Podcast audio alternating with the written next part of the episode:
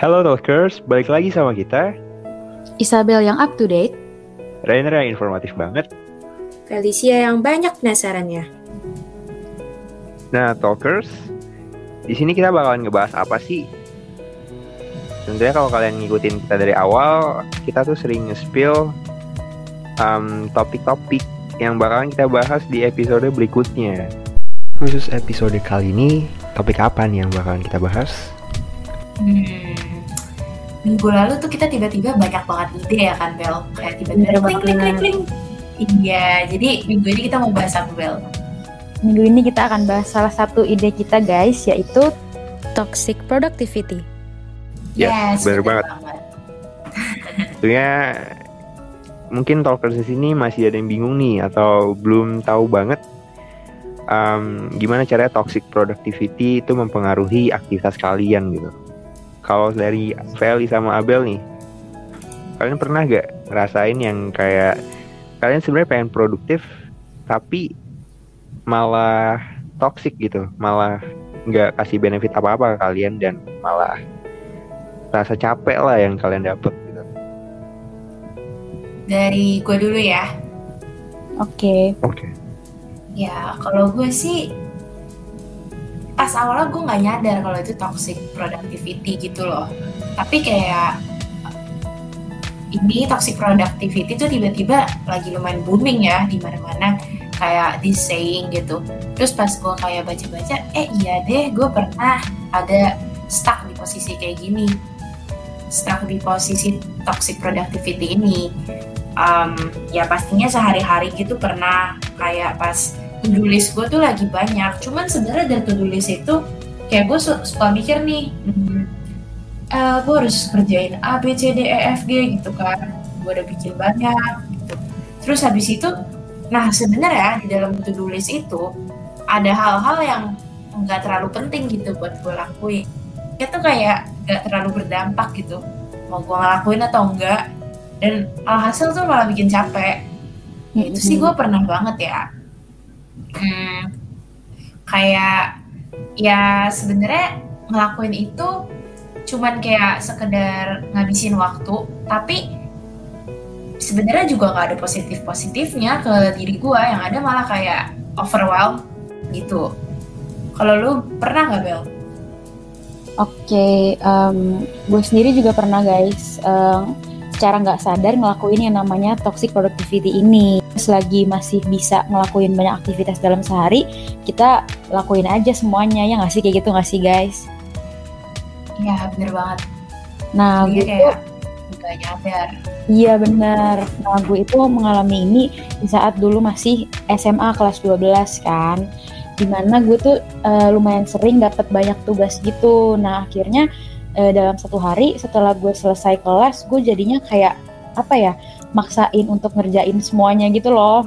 Alhasil gue jadi nggak sadar Oh, bahwa iya. gue lupa untuk makan. Gue juga jadinya nggak luangin waktu untuk istirahat. Nah gue juga baru sadar di em, saat ngebaca tentang topik ini guys bahwa ternyata di saat kita eh, nggak sadar kita malah ngelupain yang namanya waktu istirahat dan juga waktu makan itulah di saat produktivitas kita berubah menjadi toxic guys Jadi kurus gak Bel? Lupa makan. lumayan sih dulu pas masih sekolah Oh serius? sumpah sumpah Sampai ya kayak gue gitu? kayak gitu kayak sekarang lebih apa ya lebih lumayan fit aja sih Kalau gue dulu tuh eh, ini sih kayaknya ya rasanya apa capek aja gitu. Kalau pas lagi bener capek ya bisa sampai sakit ngedrop. Cuman ya jarang sih yang sampai separah itu pernah. iya pasti berasa banget kan ya Ya itu karena ini ya kepikiran juga ya jadinya bisa sak- bisa sakit lah atau bisa ngaruhin berat badan yang jadi drop gitu ya. benar benar Kemudian mungkin dari tadi dari tadi kita udah bahas ya pengalaman kita tentang hal ini. Nah kalau gue sendiri juga pernah misalnya di kelas 12 ya sama juga sih ya rata-rata di, di kelas 12 emang kita lumayan sibuk ya lumayan baik. Ya jadinya waktu kita lumayan kita korbanin buat belajar gitu. Dan kadang kalau udah belajar tuh gue juga suka lupa waktu juga kayak keasikan gitu loh. Meskipun gue tahu nih udah lapar atau udah ngantuk tapi kayak nanggung gitu buat diselesain saat itu juga gitu. Dan itu yang susah buat di-identify kalau ternyata itu bisa disebut sebagai toxic productivity lah. Yes, bener banget. Kadang kita maunya tuh produktif ya, tapi ternyata malah uh, malah cuma maksain. ya, mendatangkan dampak-dampak lain gitu ya, yang buruk-buruk juga. bener bener banget. Dari tadi kita udah share pengalaman kita tentang toxic productivity ini nih. Sekarang giliran gue coba jelasin ya secara definisinya tuh apa sih jadi toxic productivity menurut kita itu adalah hal-hal yang bikin kita terpengaruh sama kenegatifan tentunya dalam hal produktivitas kita sendiri. Yang niat awalnya itu pastinya baik ya kita mau produktif tapi hasilnya malah negatif ke diri kita. Hasilnya malah tadi ya ki- bikin kita capek malah nyerang kita gitu. Harusnya kita dapat benefit dari productivity itu tapi malah sebaliknya gitu dan juga Hmm, bener-bener. toxic productivity ini menurut gua seharusnya mulai berkembang semakin banyak di generasi kita, Velbel. Mm-mm, kenapa Gimana kita tuh mungkin dengan mudahnya kita dapat informasi ya, kita mungkin bisa lihat sangat mengorbankan waktu itu sama dengan positif mungkin menurut kita karena kita kalau dilihat jadi produktif banget. Misalnya kita lihat teman kita belajar keras banget gitu ya. Yes. Salah Kan satu kita contohnya mungkin kagum belajar ya. banget. iya jadi Mm. pengen juga ngelakuin kayak gitu Ya, Jadi maksa diri gitu ya, nyampe limit.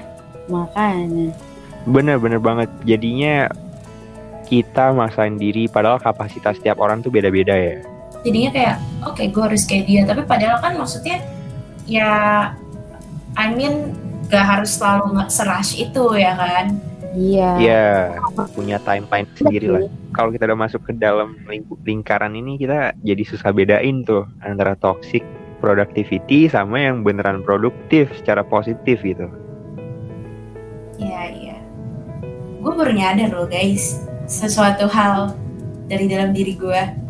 Secara gue tidak sadar, gue sering menyebarkan toxic productivity gue ke orang-orang. Oh, Oke.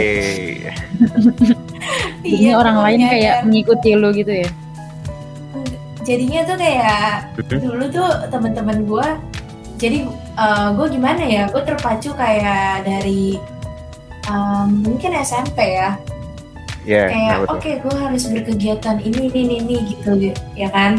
Aktif mungkin Iya, lah iya. gitu ya. ikutin organisasi lah, ikutin event lah gitu. Karena gue ngerasa kayak oke itu bakal berguna gitu buat di hidup gue. Tapi ya sebenarnya beberapa hal yang gue ikutin itu sekarang ya gue ngerasa kayak oke itu nggak berguna gitu. iya Orang dulu ngapain gitu sih, kayak- banyak-banyak Iya ada beberapa yang kayak ih gue ngapain sih ikutin ini karena gue gak bakal ada di itu juga gitu loh. Terus Iya, kayak iya. ngapain dulu gue kayak gitu. Udah gitu orang-orang suka kayak bilang lu sibuk mulu sih Vel gila itu beneran terjadi loh di gue. Kayak gue baru nyadar nih sekarang gue pas mikir-mikir lu gue toxic juga ya ternyata kayak eh, kayak orang-orang teman-teman gue tuh pada bilang lu diajak main gak bisa nih gitu itu sering loh kayak saking banyaknya kegiatan yang mesti gue ikutin gitu kan terus gue juga sebenarnya mengorbankan waktu istirahat gue sih. Kayak gue mesti bekerja lebih keras gitu daripada orang lain karena you know uh, ada satu statement yang mungkin agak salah ya. Kayak gini. Jadi gue tuh ada sebuah statement yang kayaknya agak salah gitu. Dan please talkers juga jangan terapin kehidupan kalian. Di mana gue ngerasa kayak um, to be honest gue tuh bukan datang dari super wealthy family gitu jadi gue ngerasa kayak ada beberapa temen gue yang punya opportunity lebih dan mereka gampang buat achieve yang mereka mau gitu. Sedangkan gue gue ngerasa gue harus bekerja lebih keras untuk nyampe ke level mereka gitu misalnya. Jadi Hmm. gue memaksa diri sendiri kayak oke gue harus ngelakuin ini ini ini supaya gue bisa sukses dengan cara itu. Tapi sometimes Iya, iya. ya itu kadang kayak banyak gue juga bilang kayak kamu ngapain sih sesibuk ini? Tapi ya itu tadi statement yang salah juga di mana gue ngerasa kayak gue harus bekerja sangat keras padahal ya kayak seharusnya dimaksimalkan dan kayak cuma di bidang-bidang yang lu butuh aja gitu. Nggak harus semuanya lu kejar. Nah gue tuh orangnya tuh kayak gitu. Suka kayak oke okay, ini mau itu mau. Itu salah sih. Iya mungkin harusnya nggak semuanya ya. Iya bener banget. Statement kayak gitu pun mungkin harusnya di maksudnya lu boleh buat motivasi tapi jangan sampai harm harming gitu loh buat diri lu sendiri. Karena kan kayak iya. gue tuh uh, gue bisa tuh sampai kayak ngedrop sampai kayak mental breakdown itu bisa. Iya seharusnya nggak boleh sampai kayak gitu ya talkers nih dengerin juga supaya nggak terjadi di kalian juga. Karena uh, sebaik mungkin kita harus mencegah yang namanya productivity sampai bisa mengganggu kesehatan kalian guys. Itu nggak boleh banget mengganggu kehidupan sosial juga sih. Benar. Ya, jadinya orang-orang jadi males gitu sama gue itu sempat gue ada di titik kayak gitu. Tentunya kita perlu tetapin target juga ya. Sesuai sama yang kita perlu.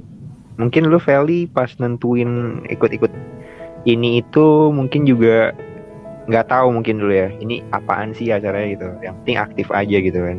Mungkin ya. Mm-mm. Bisa dibilang gue kesulitan membuat skala prioritas Oke. Okay. Jadi gue merasa banyak hal tuh ada di titik yang sama gitu. Padahal Jadi gue merasa oke okay, gue harus kerja ini ini ini, ini gitu. Oh kebanyakan ya, aja. Sebenarnya mah ya. nggak harus.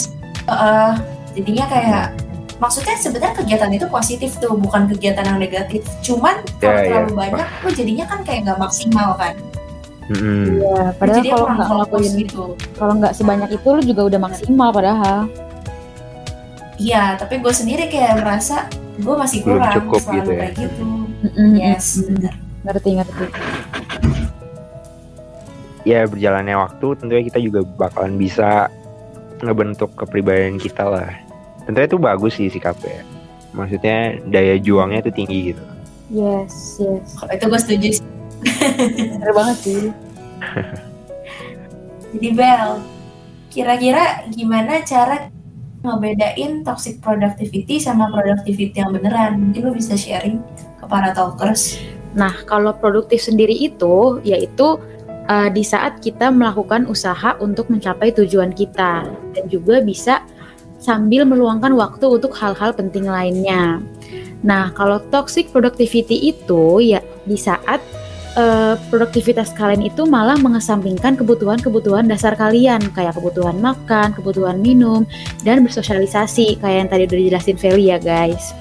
Jadi uh, kita harus sadar bahwa di saat produktif kita itu udah sampai uh, bikin kita sakit, bikin kita juga jauh dari kehidupan sosial, itu udah mulai toksik guys. Dan produktivitas itu juga bisa disebut toksik saat kita itu ngerasa bersalah di saat kita beristirahat sejenak. Padahal kan e, dalam beraktivitas kita pasti butuh yang namanya istirahat gitu loh. Kita nggak bisa e, 24 jam dalam sehari hanya e, beraktivitas aja, kerja aja atau ngelakuin tugas aja. Kita harus punya yang namanya waktu untuk istirahat juga. Dan di saat kalian ngerasa kalau kalian istirahat itu adalah hal yang salah, itulah di mana kalian udah mencapai yang namanya toxic productivity. Lu pada pernah nggak ngerasa kayak gitu? Kayak kenapa gue istirahat ya sekarang gitu harusnya gue kerja jujur gue pernah sih kayak ngerasanya aduh nggak bisa nih gue jadi kayak lebih ke khawatir sih gue kalau nggak ngapa-ngapain gitu Iya, gue juga pernah banget. Iya okay. kan. Sampai hari ini gue baru nyadar kalau gue ternyata setoksik itu guys. oh my god.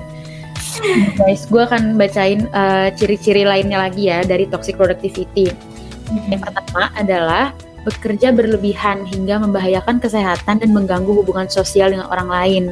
Nah, ini guys yang uh, mungkin akan kelihatan banget di saat kita udah mulai melakukan toxic productivity karena di saat kita udah mulai sampingin namanya makan, sampai kita udah nggak peduli sama kesehatan, itu artinya kita udah toxic banget. Apalagi kita udah nggak punya waktu untuk yang namanya hubungan sosial dengan orang lain kayak akhirnya kita jadi maksain diri kita untuk ah udah gue ini aja belajar aja sampai akhirnya kayak orang lain pun akan yang kayak tadi Feli bilang ya orang lain juga akan nyadar dengan perubahan kita itu. Oke jadi ya benar poin nomor satu gue sendiri juga udah ngerasain tuh mengganggu hubungan sosial dengan orang lain ya tepatnya. Itu sebenarnya lebih nggak enak. Maksudnya kan kalau kayak kesehatan gitu kan oke okay, lu ngerasain sendiri doang. Ya nggak bagus juga pastinya kalau kayak gitu terus. Cuman kalau kayak hubungan sosial kan lu jadinya ngerasa beda banget gak sih? Kayak ada satu titik di mana gue ngerasa kayak gue jadinya agak jauh gitu sama teman-teman. Gue nggak punya waktu buat sosialisasi. Gue kayak um, jadi kan gue udah capek nih. Gue di saat ya udah selesai gue istirahat dong. Terus kapan gitu gue mainnya sama yang lain. Jadi sempet kayak mereka juga agak males tuh sama gue yang kayak ah lu mah ngapain sih um, di sini? Gitu kayak mereka bilang biasanya sibuk tuh sedangkan ketika gue kayak meluangkan waktu gitu buat mereka mereka ngerasa kayak uh, apa ya mereka ngerasa kayak mereka gue main sama mereka itu dijadwalin gitu loh. Yang kayak apa ya um, dianggap kayak jadwal ngerti gak sih? Kayak rutinitas tapi bukan prioritas. Ya itu sebenarnya hmm. sakit juga sih. Jadi gue mengalami kesulitan di mana kayak harus ngatur semuanya biar oke okay gitu loh. Kayak ketika gue mesti tetap aktif di kegiatan yang gue pengen ikutin yang memang berguna buat gue dan juga gimana gue tetap bisa temenan sama yang lain-lain dan mereka juga merasa nyaman. Dan itu jujur sih sangat capek ya pas masa-masa kayak gitu. Sebenarnya sampai sekarang pun kadang gue masih ngerasa gitu tapi kayaknya gue udah bisa mengurangi gitu loh. Ya kayak gue lebih bisa memilah-milah dan juga membuat orang merasa lebih dihargai Iya, nggak apa-apa pelan-pelan aja guys. Ya. Oke okay, guys, sekarang ke ciri-ciri yang kedua, yaitu adanya ekspektasi yang tidak realistis terhadap diri sendiri.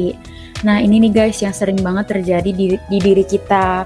Apalagi di masa-masa kayak sekarang kita kan sering banget tuh kayak ngelihat orang lain dan akhirnya kita jadi ngebandingin diri kita dengan orang lain. Kayak kita ngerasa ah orang lain bisa tuh semaksimal itu kita juga kayaknya harus bisa kayak gitu. Padahal kan sebenarnya enggak ya. Yang seperti yang kita tahu kapasitas dan kemampuan orang lain dan dengan kita tuh pasti beda. Ini yang bikin kita toksik karena kita jadi kayak maksain diri kita kita jadi berekspektasi bahwa kita bisa kayak orang lain. Padahal sebenarnya kita harus punya ekspektasi yang realistis dan um, berharapnya sesuai aja sama usaha kita sendiri. Apalagi di zaman yang kayak gini itu informasi kan serba cepat, ya. ya. Uh, uh, informasi itu kayak dari sini sono gampang banget gitu loh karena kita punya namanya internet dan sosial media. Karena sebenarnya internet itu uh, dan sosial media bener-bener tuh kadang bisa jadi toxic juga ketika kita melihat kehidupan orang lain tuh lebih baik dan sukses daripada kita kita jadi maksain banget padahal sebenarnya di balik itu pun kita nggak tahu gitu loh apakah mereka memang segampang itu atau gimana maksudnya atau mereka punya problem lain gitu kan. Yang kita lihat kan kayak cuman manis-manisnya aja dan kita berusaha untuk sama kayak orang itu. Padahal pada kenyataannya ya it's not possible gitu loh. Iya bener banget. Dan mungkin kita juga nggak tahu bahwa kadar usaha kita kan bisa aja beda guys sama orang lain. Kayak mungkin mereka udah lebih berusaha daripada kita atau kayak gimana ya setuju setuju. Jadi garis start kita juga pasti beda sama orang lain ya. Mungkin kita yes. bisa memulai dari start yang butuh kerja lebih keras atau mungkin sebaliknya. Nah di sini sih sebenarnya yang penting konsisten ya. Jadi secara bertahap supaya seimbang gitu kita juga pasti juga perlu istirahat pastinya di samping kesibukan kita Ciri-ciri yang terakhir itu kita merasa kesulitan untuk istirahat. Hal ini ditandai dengan adanya kayak kita ngerasa uh, bersalah kalau istirahat setelah seharian penuh beraktivitas, guys. Nah, padahal seperti yang kita tahu, uh, kita butuh banget untuk yang namanya istirahat. Kita nggak bisa maksain diri kita sendiri juga, dan sebenarnya istirahat itu emang perlu gitu. Kita nggak perlu ngerasa bersalah karena kita lagi istirahat, ya nggak sih? Ya benar-benar. Mm -hmm. Nah ya, ini kita juga pernah tuh. Ciri juga apa? Ya, we deserve a rest gitu loh after a tiring day. Iya benar banget. Iya, dulu gue pernah mikir gini loh. Apa tuh? Kalau misalnya misalnya tidur siang deh Mm-mm. kayak nggak guna aja gitu menurut gue karena sayang banget gitu. Sayang banget waktunya atau buat gimana? tidur gitu. Iya. Hmm. tidur. Kan tidur nggak ngapain ya. Padahal itu kayak ngasih energi banyak banget tahu abis lu bangun tidur siang ya nggak sih? Ya. Kadang gue juga pernah ngerasa begitu sih kayak kenapa ya gue tidur? Gitu. Iya iya. Sama sama sama lagi. Padahal itu bikin fresh banget, apalagi kayak kita udah ngantuk siang-siang atau sore-sore. Akhirnya setelah bangun malah lebih produktif lagi padahal. Iya malahan lebih guna Ternyata toxic guys. Oke guys, jadi seperti yang kita dapat juga ada sharing-sharing tuh toxic productivity ini tentunya punya dampak-dampak buruk ya.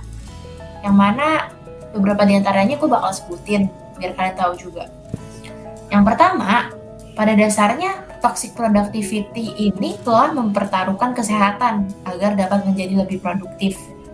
Jadi perilaku ini bakal menempatkan tidur kalian, makan kalian, minum, dan bahkan kebutuhan bersosialisasi nggak jadi prioritas pertama. Sehingga nggak heran ketika orang yang toxic productivity ini mengalami penurunan kondisi kesehatan. Gitu. iya sekali lagi emang penting banget sih kalau buat sediain waktu ya buat diri kita sendiri juga di balik kesibukan atau produktivitas kita gitu Ya, Iya, karena kesehatan itu penting banget guys. belajar bikin skala prioritas lah ya. Kayak gue tuh belajar juga gitu. Seiring waktu, oh ternyata yang ini tuh nggak perlu gitu. Dan jadinya Yes, yes, yes. menambahkan jadwal untuk bersosialisasi dan bersantai itu harus dimasukin ke dalam ya jadwal kita sehari-hari ya. Mm-mm, bener banget, setuju banget. Yang kedua nih, toxic productivity ini juga menyebabkan seseorang rentan terkena stres. Dan ini sebenarnya lebih bahaya lagi jika orang itu saking stresnya nih melampiaskannya ke kebiasaan yang tidak baik dan tentunya jadinya memperburuk dampak-dampak lain me- bisa memberikan dampak buruk lainnya kayak balik lagi sih ke poin pertama yaitu mempar- memperparah kondisi kesehatan contohnya kayak kalau misalkan lu stres banget nih lu jadinya overwhelmed gitu kan Jadi masalah. Mm-mm. iya Lu cuma gara-gara maksain diri untuk produktif. cuman hal yang kayak kita kira simple tapi ternyata bisa membawa dampak yang sangat buruk Serius banget. Mm-mm. Mm-mm. Jadi apa hal yang kadang kita pikir biasa kalau lu tumpukin terus bakal menjadi hal yang serius dan gak bisa disepelein loh guys. Yes, betul sekali. Masuk ke poin ketiga ya guys. Perasaan burnout atau hilang minat terhadap sesuatu yang biasanya kita lakukan. Jadi burnout ini bakal berefek sangat buruk ya terhadap pekerjaan, kebiasaan, ataupun hobi yang pada awalnya kalian sangat minati. Jadi di saat keadaan kayak gini produktivitas malah akan menurun. Nah ini bayangin deh ketika lu kayak udah capek banget tapi lu mencoba melakukan hal yang lu suka kan. Tapi Malah ketika lu ngelakuin pun lu nggak ngerasa happy sama sekali, bener. Mm-mm. Jadinya kayak serba salah. Lu mau istirahat, lu ngerasa bersalah. Lu ngelakuin hal yang lu suka, lu juga ngerasa, aduh ini apaan sih? Boring banget. Salah banget. Jadi toxic Hmm. productivity ini bikin bikin kalian tuh stuck sebuah situasi yang Iya, burnout ini kan ini ya, ada hubungannya sama psikologis ya. Kayak udah parah banget sih ini. Kayak lebih dari stres sih, menurut gue. oh, serius. Iya, ini udah parah banget kalau beneran sampai burnout ya. Tapi gue pernah loh. Iya, kenapa lebih parah itu karena bener-bener nyerang psikologis lu banget sih kalau beneran sampai burnout. Mm-mm, mm-mm. Semua yang dilakuin jadi kayak nggak ada Arti ya. nggak ada energinya gitu, nggak ada semangatnya sama sekali gitu. ya gue ngerasain itu pas kemarin sih pertengahan pandemi udah pusing banget aja gitu jadinya sampai kayak gitu Iya sama sama apalagi bosen lagi. bosen terusnya serba salah gak tahu mau ngapain. Udah gitu capek juga ya gitu deh campur aduk ya kan? Mm-mm, dan lu ngapa-ngapain lu nggak happy juga. Ya udah deh. Hmm. Mungkin belum ketemu aja. wes buset. Cuma siapa sih? Ya sebenarnya kan ada cara ngatasinnya. Kayak misalnya misalnya kalau suka contoh sederhananya misalnya kalau suka main game gitu. Jadi kayak lu tau nih kayak udah down banget. Nah kadang pas kita punya satu kegiatan yang bikin kita happy harusnya ya menurut gue paling nggak ada satu gitu lah. Tapi kayaknya lu belum pernah ngerasain burnout beneran deh di mana lu bener-bener yang lu suka aja lu nggak pengen Iya, itu iya emang belum kayak Iya. kayak apa ya? Mungkin akan balik dengan sendirinya aja kali. ya tapi Jadi bisa kayak- baik jadi dari maksudnya seiring waktu berjalan harusnya bisa gitu let the time to heal Mm-mm. Iya. Jadi kayak pengennya tidur aja gitu ya. Pak tidur juga Hmm. gak pengen. iya beneran se- serba salah itu gue pernah loh kayak anjir gue sebenarnya pengen produktif tapi ketika gue maksa gue kerjanya nggak jelas gue main Hmm. atau kayak having fun gitu gue juga ngerasa bersalah gue istirahat gue juga merasa bersalah di saat Iya, itu iya, ya udah sih gue cuman kayak oke gue harus um, belajar realistis dan juga kayaknya menenangkan diri gue meditasi terus jadinya gue bisa. Nah itu kan tuh ketemu kan satu kegiatannya gitu. Meditasi. itu karena gue Hmm. udah bener-bener apa ya Semedi. Ya udah bener-bener capek juga kali. gue mencoba mencari jalan keluar gitu gue nggak bisa nih kayak gini terus gue pusing nah untungnya bisa jadi harus belajar apa ya eh, di saat kayak udah pecah banget lu pada mungkin bisa coba deh meditasi beneran berguna sih Iya iya. Iya. Nah kalau misalnya ada kasus kayak gini nih. Jadi ada di suatu waktu beneran ini mungkin ada salah ngambil keputusan juga kita di awal ya. Di mana akibatnya di suatu waktu ini lu harus melakukan kewajiban lu gitu di satu waktu yang bersamaan dan lumayan banyak kuantitasnya dan harus selesai juga gitu. Mm-mm. ya Gimana tuh kalau menurut kalian? Kalau kita berada di case seperti ini tuh, kayak wajib banget gitu. Wajib melakukan toxic productivity. wajib multitasking juga berarti Heeh, Iya sih.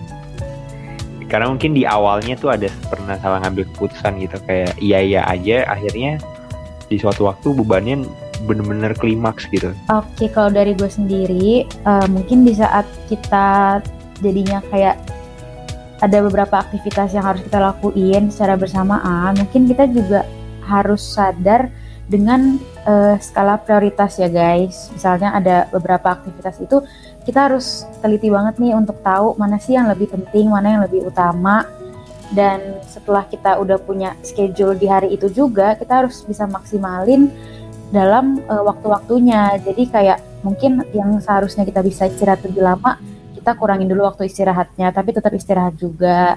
Dan mungkin kalau misalnya eh, kita kadang-kadang ngerasa gampang terdistraksi atau terganggu, kita harus lebih fokus lagi aja biar eh, beberapa aktivitas itu bisa maksimal dijalaninnya kayak gitu sih guys.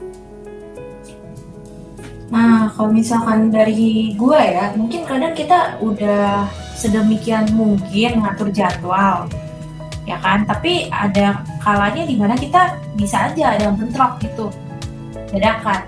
Nah, kadang yang lebih apes lagi ketika hal yang bentrok itu sebenarnya ada di posisi yang sama gitu. Prioritas tuh tuh sebenarnya sederajat gitu buat dua hal itu.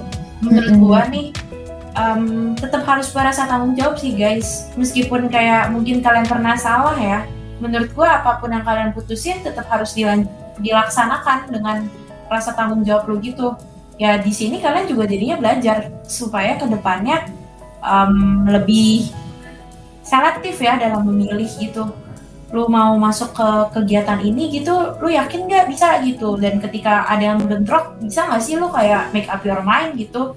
Nah menurut gua bisa jadi pengalaman gitu di masa depan di mana hal-hal kayak gini harusnya mungkin lu minimalisir gitu. Supaya mengurangi hal-hal yang bentrok kayak gini.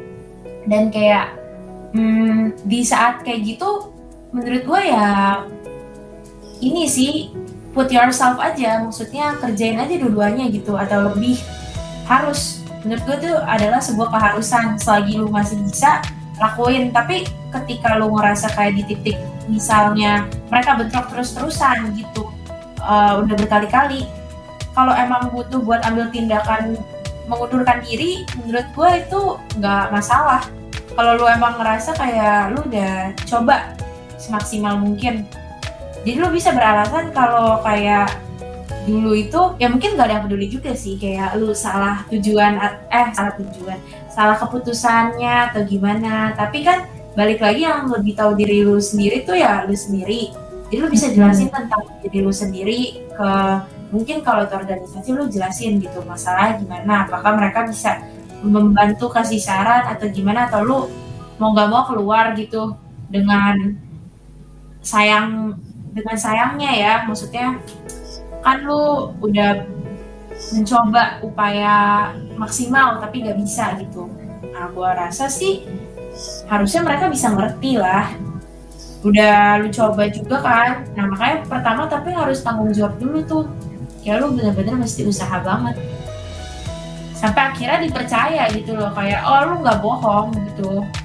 Jadi lu mesti mewujudkan dulu sebelum akhirnya dipercaya gitu. Kalau perlu mau mengundurkan diri atau apa itu berdasarkan kenyataan bukan cuma asal ngomong doang.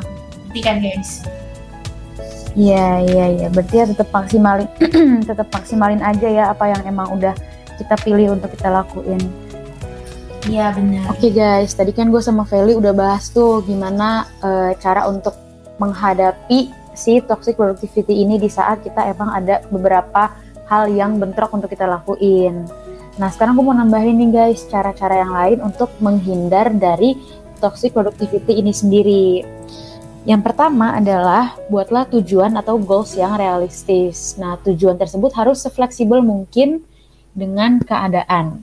Jadi artinya adalah kita harus bikin tujuan atau goals yang realistis yang artinya uh, sesuai dengan kadar usaha kita juga. Kita harus tahu bahwa um, dengan usaha kita yang segini besarnya kita bisa mencapai tujuan atau goals yang sebesar apa kayak gitu. Kita nggak boleh bikin tujuan atau goals yang kayak melampaui usaha kita banget karena kan yang paling tahu usaha kita juga diri kita sendiri aja. Jadi kita harus menyesuaikan goals kita dengan uh, usahanya itu. Poin kedua adalah beristirahat dari semua aktivitas. Nah ini penting banget buat dilakuin sama kita sekali-kali. Karena faktanya, kayak kita tadi cerita ya, dari tidur siang kita juga bisa meningkatkan produk produktivitas kita gitu. Jadi um, mungkin bisa cobain rencanain beberapa aktivitas yang kalian suka buat ngisi weekend dan waktu senggang kalian. Jadi don't be too hard on yourself gitu. Kalian deserve a rest after a tiring day. Kayak tadi gue juga bilang penting banget guys buat istirahat. Kemudian yang ketiga kita juga bisa terapin yang namanya mindfulness di mana kita juga harus peduli nih sama diri kita sendiri mengenai kebutuhan-kebutuhan primer kita. Contohnya tidur atau sesederhana ke kamar mandi atau juga buat makan buat tubuh kita sendiri dan juga supaya kita bisa lebih rileks dan juga bisa lebih tenang buat ngelanjutin pekerjaan atau produktivitas kita berikutnya gitu. Jadi hasilnya juga bisa lebih optimal. Oke okay guys, yang terakhir um, adalah terapkan aturan atau boundaries. Kayak ini artinya adalah harus menetapkan yang namanya batas-batas dalam aktivitas kalian guys. Kayak kalian tentuin uh, jam-jamnya juga. Misalnya belajar cukup dua jam aja. Atau kayak kalian gak boleh makan sambil main handphone kayak gitu-gitu. Nah kalian harus ingat bahwa kalian gak boleh terlalu maksain diri kalian. Dan inilah gunanya kalian uh, menerapkan yang namanya batasan-batasan dalam diri kalian supaya nantinya juga um, aktivitas kalian bisa maksimal.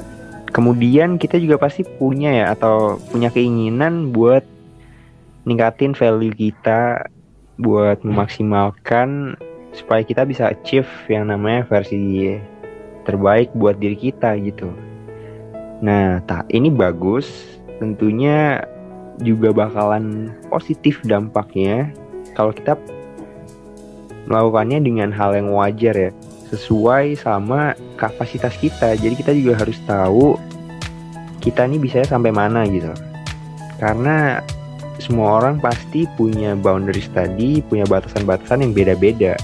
Jangan sampai nih yang udah kita mau, yang udah kita targetin malah ternyata nyerang kita gitu, nyerang fisik kita atau bahkan psikis kita dan ya kita nggak berharap hal ini terjadi ya sama kita. Yes. Dan menjadi produktif emang nggak salah. Itu pasti bagus banget ya.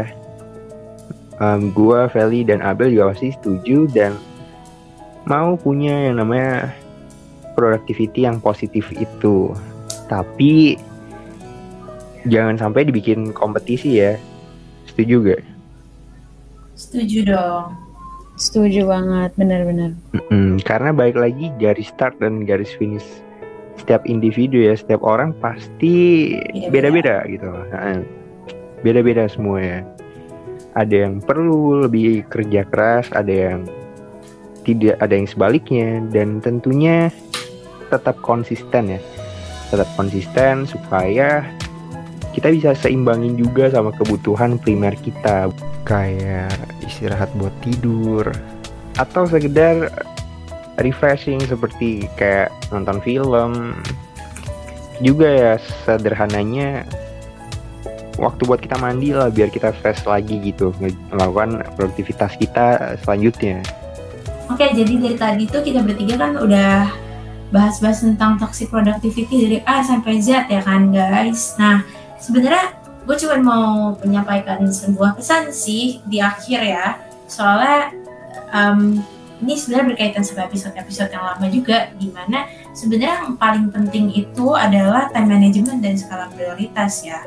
Karena karena kayak ketika lu memang bisa manage waktu lu dengan baik pastinya lu bakal tetap punya waktu untuk istirahat, waktu untuk bersosialisasi, waktu untuk have fun dan ketika lu bisa bikin skala prioritas artinya ya semuanya tetap ada porsi masing-masing gitu. Lu tahu kapan um, waktu yang tepat di saat ini untuk melakukan kegiatan tertentu gitu. Nah jadi itu penting banget supaya kita nggak masuk ke dalam toxic productivity ini sih. Sekian buat episode kali ini. Semoga episode kali ini bisa membawakan insights buat kalian. Dan bagi kalian yang habis dengerin podcast ini dan tiba-tiba kepikiran, loh kok gue toxic banget, gak masalah. Tetap ada jalan untuk bertobat, belum terlambat. Ya, bener banget. Yes, bener. Pelan-pelan aja guys, pasti bisa nggak toxic lagi. Iya, jadi nggak masalah banget kok. Oke, kita ketemu lagi di Selasa malam minggu depan. See you guys on next episode. Dadah. Dadah. Thank you.